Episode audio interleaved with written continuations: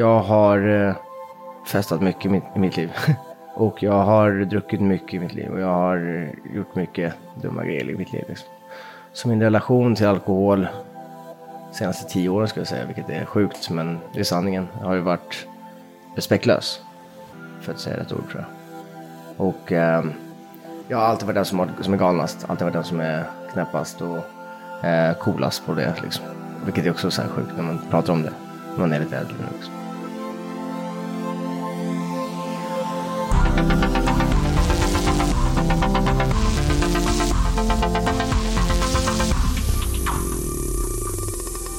Du lyssnar på Fyllepodden från IQ med mig, Musa Asselvall. I den här podden pratar vi om alkohol och det hör ju egentligen inte ihop med elitidrott kan man tänka. Men min erfarenhet säger att det är mycket vanligare än man kan föreställa sig. För jag har sett min beskärda del av duktiga elitidrottsmän dyka upp väldigt bakfulla, till och med på tävling.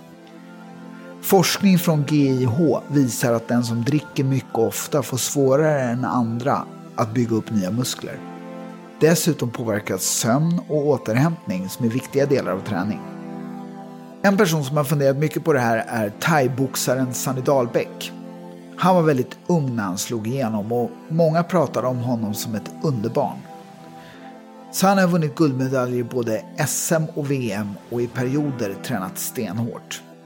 Trots det festade han väldigt mycket och jobbade samtidigt på krogen. Hur går det ihop när man tävlar på elitnivå i en sport med mycket små marginaler? Det får Sanny svara på. Samtidigt som det är väldigt eh, svårt så, så, är det ändå ett jobb som, som passar bra med träningen för att man jobbar ofta natt eh, och kan träna på dagarna. Så att så här, för, mig, för mig när jag började eh, jobba i bar så blev det ett... Eh, så, så, funkade det för att min disciplin höll mig, liksom, höll mig på banan ändå. Om du tränar på dagarna och sen när ska du sova liksom, i förhållande till hur du jobbar då? För mig funkade det som sagt. Jag jobbade inte så mycket heller. Eh, jag jobbade inte heltid utan det, man, det jag levde på var ju mest dricksen. Liksom. Men jag började ju på Berns 2010 eller 2009 och sånt där. Och då var jag så här, då var man ju ung och, och saker var skitkul liksom. Och shit, man fick vara ute på ett coolt ställe och, och jobba samtidigt. Men du, du, tyckte du liksom aldrig att det var någon konflikt i det? Att, jag, menar, jag tänker så här, när man pratar just med krogmänniskor så här, jag menar, du pratar om disciplin, men jag menar, i den åldern också, att liksom vara i den där miljön. Att inte vara så här, ja nu är, det, nu är arbetet slut. Svårt att inte stanna kvar, tänker jag. Det, det är det som är eh, kruxet om man säger så. Jag, jag hade väldigt tur, jag hade en mentor, han, eh, han och jag, vi var väldigt nära liksom. Och jag tror att i den åldern när man var man 18, 19, 20, 21 liksom. Man är ung och man är odödlig. Alltså det gick bra i, i med, med thaiboxningen och eh, han höll mig liksom på banan och var som en sån pappafigur liksom. Och jag tror att det är en väldigt viktig del i, i att kunna jobba i den branschen liksom. Jag älskar ju träningen, liksom. jag älskar ju thaiboxning, jag älskar ju att fighta. Så det var kul att få lite både och på något sätt. Du fick den här känslan även om det fast var ett jobb? Ja men precis. Men, det, men hur gick det att hålla sig ifrån alkohol på en sån plats? Det gick, alltså det gick utan problem eh, i början. Och det är det som är problemet. Liksom. Personligen för mig då så blev det att jag blev av med min mentor då. Eh, och då, då är det väldigt lätt att hamna i skiten liksom. För att det är så, det är så normaliserat liksom. Eh, när man är ute mycket och liksom man är ung och, och fest och droger och alkohol och allting som finns liksom. Det är väldigt lättillgängligt. Speciellt när man jobbar ute. Men blev av med din mentor, kan du förklara det lite grann? Jag började träna på ett gym som heter Slagskeppet eh, här i Stockholm när jag, när jag var 16. Och eh, jag och min gamla tränare Peter satt ihop liksom. Han, eh, han är en av anledningarna till att jag är där jag är idag med, med thaiboxningen. Och jag kommer alltid vara tacksam för, för det han har gjort för mig. Men det blev, det blev mycket problem på det gymmet med mig och eh, till slut så blev det att jag eh, mådde så psykiskt dåligt över att vara där för att jag, jag bara hade ångest varje dag och ville gå och träna. Liksom. Så ehm, um, va, var jag tvungen att dra kände jag. Och då, är så här, då stod man där, då var jag 22 typ och inte hade någon, jag hade inte, hade inte den mentorn längre. Hade inte den vägledningen liksom. Och då ska man klara sig själv. Och då um, är det lätt hänt att det går åt helvete.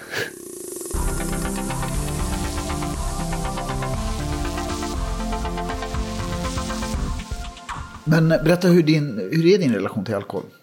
Um, min relation till alkohol och kärlek och allt har alltid varit allt eller inget. Ehm, och sån har jag alltid varit. Thaiboxning också, allt eller inget. Ehm, vad jag än gör så är det allt eller inget. Älskar jag någon så är det allt eller inget. Liksom. Och det är ju på gott och ont såklart. Jag har uh, festat mycket i mitt, i mitt liv. och jag har druckit mycket i mitt liv. Och jag har gjort mycket dumma grejer i mitt liv. Liksom. Ehm, så min relation till alkohol senaste tio åren skulle jag säga, vilket är sjukt, men det är sanningen, har ju varit respektlös. För att säga rätt ord tror jag. Och eh, jag har alltid varit den som, har, som är galnast, alltid varit den som är knäppast och eh, coolast på det. Liksom. Vilket är också så här sjukt när man pratar om det, när man är lite äldre nu. Liksom. Så ehm, konsekvenserna av det, av det man gjort under längre tid, de kommer nu. Och då, det får en att vakna på något sätt. När du säger så här, det är allt eller inget. Alltså, det är ju lätt att tänka, man, man kan ju säga då så här, om, när du pratar om liksom eh, thaiboxning, då tänker man så här, ah, jättepassionerad. eh, men när man tänker alkohol så tänker man så här, inte lika bra person. Nej, precis. Det är väldigt, väldigt, precis så. Och liksom, vad börjar eller slutar det? Liksom, är det... Alltså, säg man jobbar fyra dagar i veckan så krökar man fyra, fem dagar i veckan. Och den dagen man är ledig så krökar man också. Liksom. och det, det blir ju så, det är inte meningen att hata på någon, men det är så här, det, man lever i det så är det så normalt och man ringer varandra nästa dag och bara shit jag var så jävla full igår, ja fan, ja ska vi ta en bärs liksom. Alltså det är så konstigt men, men det, det, är så, det är så det ser ut. Och det är, så här, det är som sagt inte för att hata på någon, men jag har varit där, jag har varit där själv liksom och man, man tycker att det är så jävla roligt. Men vad, vad är det som är roligt? Vad är det liksom, vad, exakt, vad är det som är så roligt? Det är det jag inte kan svara på när, när, när du frågar mig sådär, för att det är så här, vad ska man säga, det är väl minnena och det är man, de dumma grejerna folk gör när de är fulla liksom. Eller höga eller vad fan som helst. Det är väl det man skrattar åt. Alltså även fast jag själv har varit galnast liksom. Alltså som sagt, jag menar inte att vara hycklare liksom. Verkligen inte. Men det, det är en sån konstig sak att värdera högt liksom. Att så här, shit det var så jävla fuckat igår. Ja fan. Ja kommer ihåg när jag gjorde. Så bara shit ja. Förstår du? Det är så jävla konstig grej att värdera. Mm. Finns det någon likhet mellan liksom alkohol och thaiboxning? Jag tror att jag har använt alkohol och droger men jag har använt det för, för att så här, släppa på saker, släppa loss. Liksom. Alltså thaiboxningen för mig är ju väldigt, väldigt disciplinerad. Liksom. Väldigt mycket respekt och, och eh, det är rättfärdigare inte, men för mig har det varit en avslappning. Liksom. Alltså jag kan släppa allting, jag kan släppa allt jag måste göra med, med alltså, och hålla mig eh, disciplinerad och, och, och träna hårt och, och och hålla liksom den imagen uppe på något sätt. Så egentligen finns det inte så mycket likheter utan det är snarare motsats. De är alltså, varandras, ja. eh, alltså de, man behöv, de behövs tillsammans på ett sätt. Ja, alltså tyvärr har jag sett det så. Men det finns ju tusen andra saker som man kan göra istället. ja. Vilket jag nu senaste året har gjort. En av fem har använt alkohol för att lindra psykisk eller fysiskt lidande.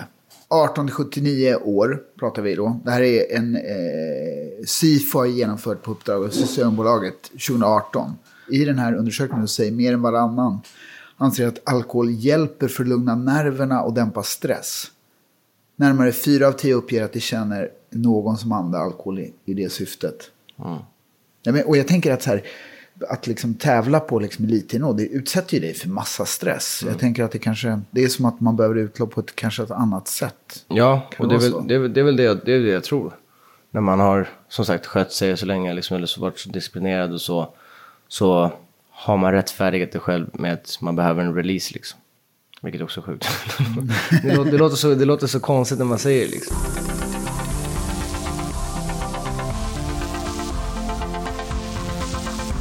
Hände det att någon av dina tränare var på dig om ditt festande? Ja, det bröts ju med, mellan mig och, och mitt gamla gym 2012. Sen startade vi ett eget gym. Och eh, jag har bara haft mig själv att ansvara för.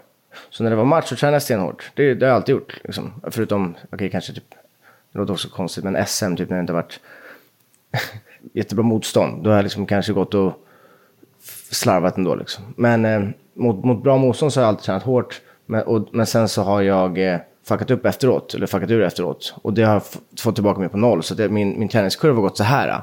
Upp och ner för, just för att du har tagit de här Pauser, break, lång, pauser, lång, långa ja. pauserna som inte som jag förstår nu som är, så, som är så dumt. För att det jag borde ha gjort, det har gått efter, som jag gjorde när jag var yngre, var då att när jag inte har match så underhållstränar jag, men sen så toppar man inför match. Sen kan man ta någon veckas vila, men inte två månader. För då, då liksom liksom början på noll igen.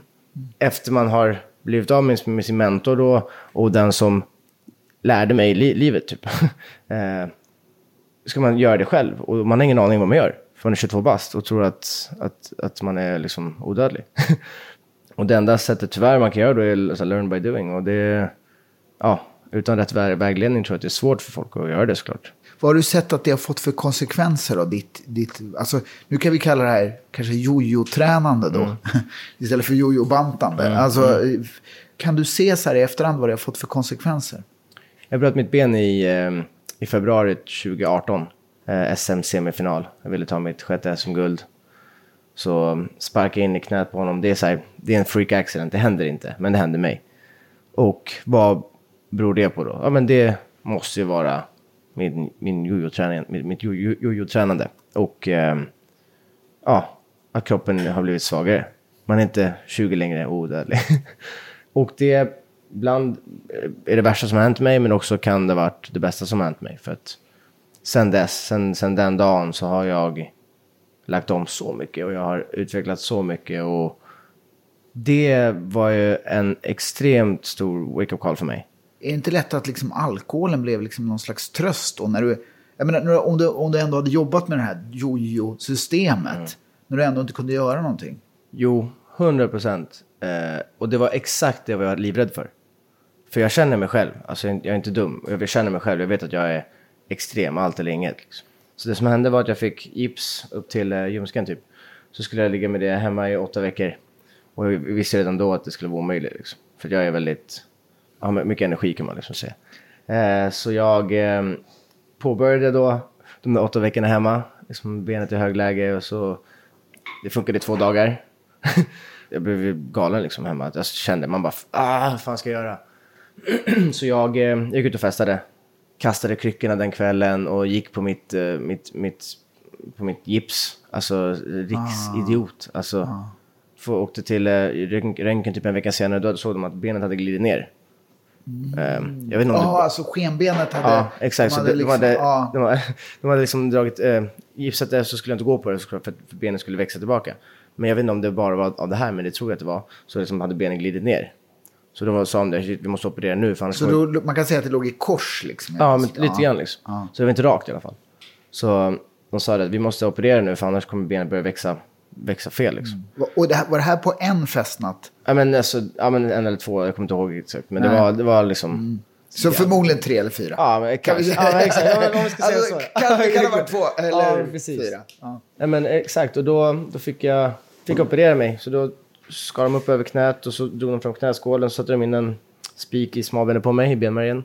Och sen satte de två skruvar här uppe och två skruvar nere vid fotleden. Och det var den värsta smärtan jag haft i hela mitt liv knät var så svullet liksom så typ. Alltså det var den värsta smärtan jag haft i mitt liv. Alltså, och ja men. Jag känner mig så liten du vet. Och man är fighter, man är tuff. Man känner sig så liten, man ligger där med, känner inte sina ben för man har ryggmärgsbedövning. Alltså det är så sjukt. Alltså jag har aldrig känt mig så liten som människa. Och eh, då fick jag liksom där, shit, vad höll jag på med? Och jag tackar gudarna för att min bästa vän Madeleine, hon tvingade mig att låta mig själv ta hjälp. Förstår du? Jag har aldrig tagit hjälp av någon. Alltså, jag har alltid varit, alltid varit en, en stark kille vad jag tycker. Liksom. Alltid varit så här, mm. vad fan ska jag lägga mitt skit på en annan? Men hon bokade tid med en psykolog till mig. Och eh, jag fattade inte varför jag behövde det. Men eh, tackar Madde för att hon bokade tiden. Jag kom in där och så frågade hon varför jag var där. Och så sa jag bara, jag, bara, jag är så jävla trött på att vara stark. Det låter så jävla klyschigt, men det var, det var hon som berättade det för mig sen. Så, vad, hon bara, du kom in här och sa, du är så jävla trött på att vara stark. Och jag bara grät och grät och grät och grät. Du vet. Och så pratade jag med henne några, några månader liksom. Och det var så här. Helt plötsligt förstår man så här, vad fan. Shit, det här går ju tillbaka till det, det här går tillbaka till det. Och man lärde sig om sig själv liksom. Alltså det, det var det bästa som hade hänt mig liksom. Helt plötsligt fattade jag att så här, men fan. Antingen så går du ner i skiten och så kan du knarka ner dig själv eller festa ner dig själv tills du dör. Alltså så här, jag hade kunnat göra det för att jag inte har något stopp. Men tack till mina vänner som, som var där liksom som, som hjälpte mig även fast jag kanske var jag var ju säkert deprimerad, jag var säkert otrevlig, jag var säkert liksom självisk. Förstår du? Men men folk var ändå där, liksom, de, de nära vännerna jag har var ändå där. Och, eh, och det gjorde att jag började prata med någon och började så här tänka, fan nej, men jag ska ta mig upp från det här och bli starkare än någonsin istället. Och där kommer min lilla hund in i bilden och eh, jag köpte hund då liksom. och eh, han har blivit... På kryckor? Ja, Ja, exakt. gipsar upp till låret. exakt, ja. Spikar. Ja, Ja, men okej, Ja, jag köper. det är skitbra. Ja, exakt, Sa- perfekt. Sanny Ja. Dahlbeck, lagom impulsiv.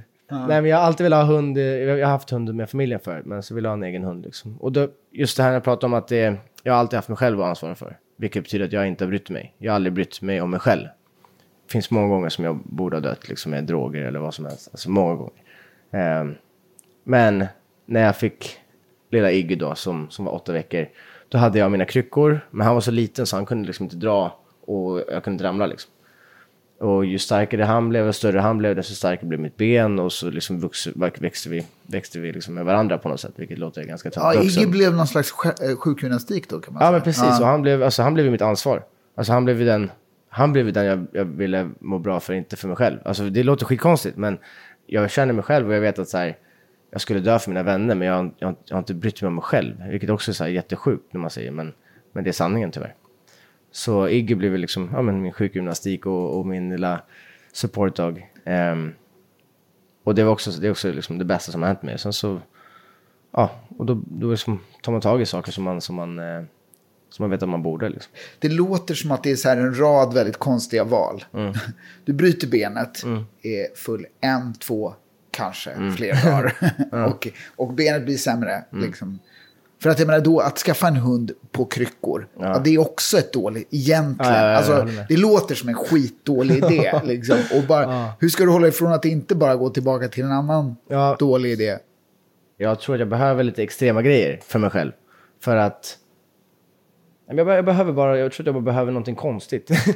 Konstigt kanske är fel ord, men kanske behöver, behöver någonting som, är, som inte är normala. För att man är inte normal själv. Det gav mig ett, ett ansvar, liksom. gav mig en, en, en mening typ.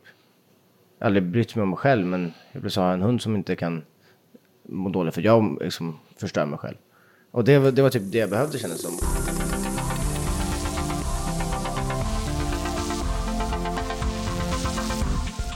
i, i, i kampsport så tänker jag att, så här, att man är väldigt ensam i själva tävlingssituationen. Mm. Man har ju sällskap men det är bara en, person som liksom försöker förgöra en. Ja, precis, ja. alltså, och den där ensamheten tänker jag kan bli ganska svår att deala med. Mm, jag, jag älskar ju fighting just därför. Jag spelar lagsporter, jag hatar det för att det är alltid någon annan som gjorde fel. Kampsport har jag bara mig själv att skylla. Det är bara jag, även fast jag hade aldrig kommit utan, utan mitt team så hade jag aldrig liksom, jag står där själv i ringen mot, mot någon som vill förgöra en. Men då har jag ingenting att skylla på liksom. Alltså då, då kanske man har, jo det som har hänt innan, att så här, fan jag vann inte just på grund av att jag, jag har inte tagit matchen ordentligt eller jag har inte tränat eller jag har inte, jag har festat liksom eller vad som helst. Och ju mer jag jobbar på mig själv kanske jag fattar liksom att, vad, att saker jag gör ja, är för att ursäkta mig själv. Liksom. Var, var någonstans är du i den där processen nu? Med liksom hålla på och rota i dig själv?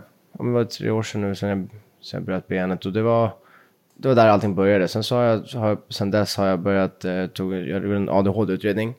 För att eh, det skulle ge svar på ganska mycket om jag, om jag visade att jag, att jag hade ADHD.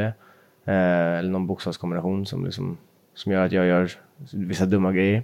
Eh, och den började med förra året, då, 2020. Eh, och fick, fick precis en ADHD-diagnos förra veckan. Och det var, det var jävligt eh, skönt och lite, liksom, lite känslomässigt ändå. För det ger svar på ganska mycket varför jag är så allt eller inget. Liksom.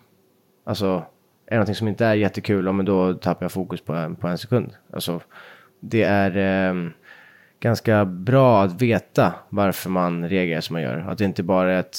Jag sa det till dem på, på, på den kliniken och bara... Har, har, jag, inte, har jag ADHD så, så ger det mig svar på ganska mycket. Har jag inte ADHD så måste jag bara get my shit together. Och det är ju ganska så, precis så det är. För att har jag inte ADHD, liksom, har jag inte en, ett, ett handikapp, då är det så att jag måste lära mig strukturera vissa saker. Men har jag det, ja men du är inte... Det blir en ursäkt. Fast, fast jag tycker inte det är en ursäkt, jag tycker det är en anledning liksom. Alltså det, hjärnan funkar inte som alla andra. Så jag tror att bara att det kommer vara gott för mig, liksom, göra gott för mig att, att veta, veta det och eh, fortsätta prata med, med folk, med, med människor som ja, med psykologer och eh, folk som, som kan utbilda mig i varför jag beter mig som jag gör. Eh, och man har ju jättelång väg kvar, men, men eh, man kan bara, man kan bara ta, ta ett steg i taget. Liksom. Om man går runt så här och liksom, eh, som jag upplever att ganska många gör idag, går och småskryter lite grann om att de har ADHD. Mm. Utan att de, Ja, har, de, Nej, de, har- de har ingen diagnos, men du vet, nej men det är bara min ADHD. Alltså man, Ja. man har det som någon skyldighet. Jag vill inte ha det som ursäkt heller, vilket, vilket det lätt kan bli kan jag tänka mig. Att, att folk gör det. Liksom. Och med att du har fått diagnosen, vad har det gjort med din syn på alkohol? Jag har tänkt mycket på ordet kontroll. Nej, ehm, ja, men kontroll för mig är, är väldigt viktigt, för det är någonting jag aldrig haft.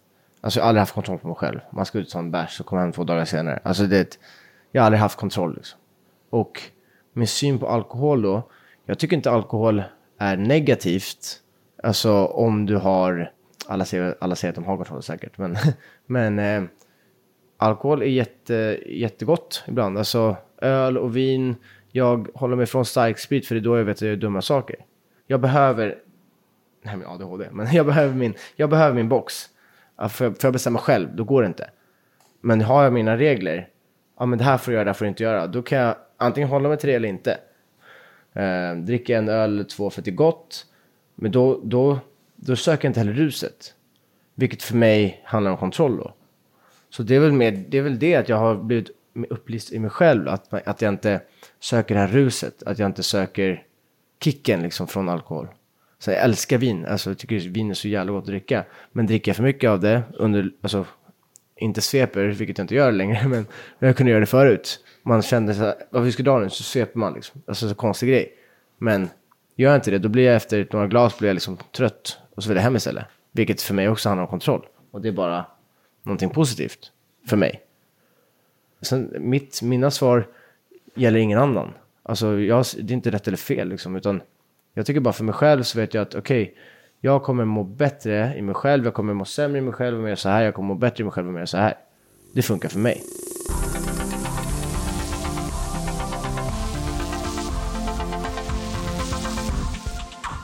Kan du sakna det här kaoset som eh, alkohol erbjöd dig förut? Ja, jag, det kan jag verkligen göra. Eh, just kaoset. Men där pratade jag med min, med min eh, psykolog också om att här, hitta saker som, som man kan byta ut med det.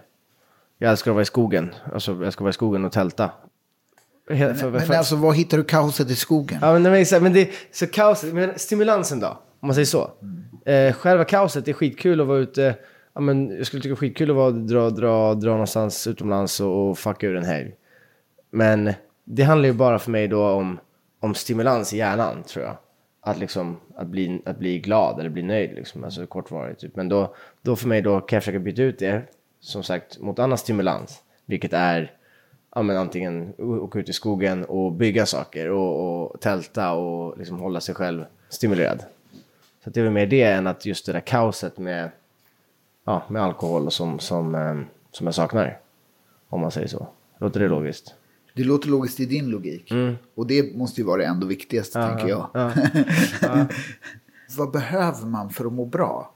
Men ibland är det ju så här att det ska dämpa någonting eller tysta någonting. Eller ska det liksom lyfta någonting? Alltså det, är- det är jätte... Det är svårt det där. Det måste ju vara så otroligt individuellt, tänker jag. Ja, det tror jag verkligen. Alltså, det, det är så jävla individuellt som du säger. Det går liksom inte att säga för mig att ja, men, ja, men drick öl och vin för att det är gott. Ehm, för att någon annan kanske har kontroll på när de dricker mer. Liksom. Alltså, jag, kan, jag kunde dricka 30-40 shots under en kväll liksom, och, och inte ens vara så packad. Alltså det är så jävla sjukt liksom. Det låter helt Det låter otroligt helt mycket. jag vet. Ja, Alltså, det låter otroligt mycket. ja, det är jättesjukt liksom. Jag, jag, det, jag skulle nog med största säkerhet dö av det, tror jag. Mm. Och jag, i, i, säkert många andra också.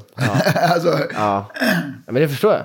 och, och, vad- hur, hur, hur vill du att ditt, ditt drickande ska se ut framåt? Jag är nöjd om det ser ut som det gör nu för mig senaste året. Eh, Jag är väldigt, väldigt stolt över vart jag har tagit mig och vart, vart jag ska. Liksom. Det, det är eh, just det här kontroll för mig.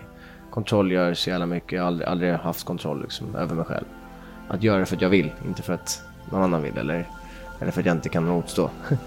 Hålla mig från det som gör mig dum. eh, dricka vin och öl för att det är gott och, eh, och bara må bra liksom.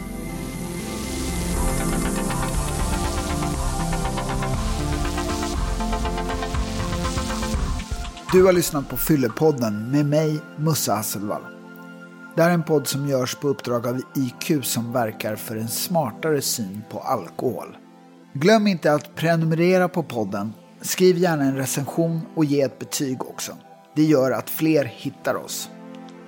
Den här podden görs av Commercial Content och producent är Andreas Utterström och klipper gör Andreas Karlsson.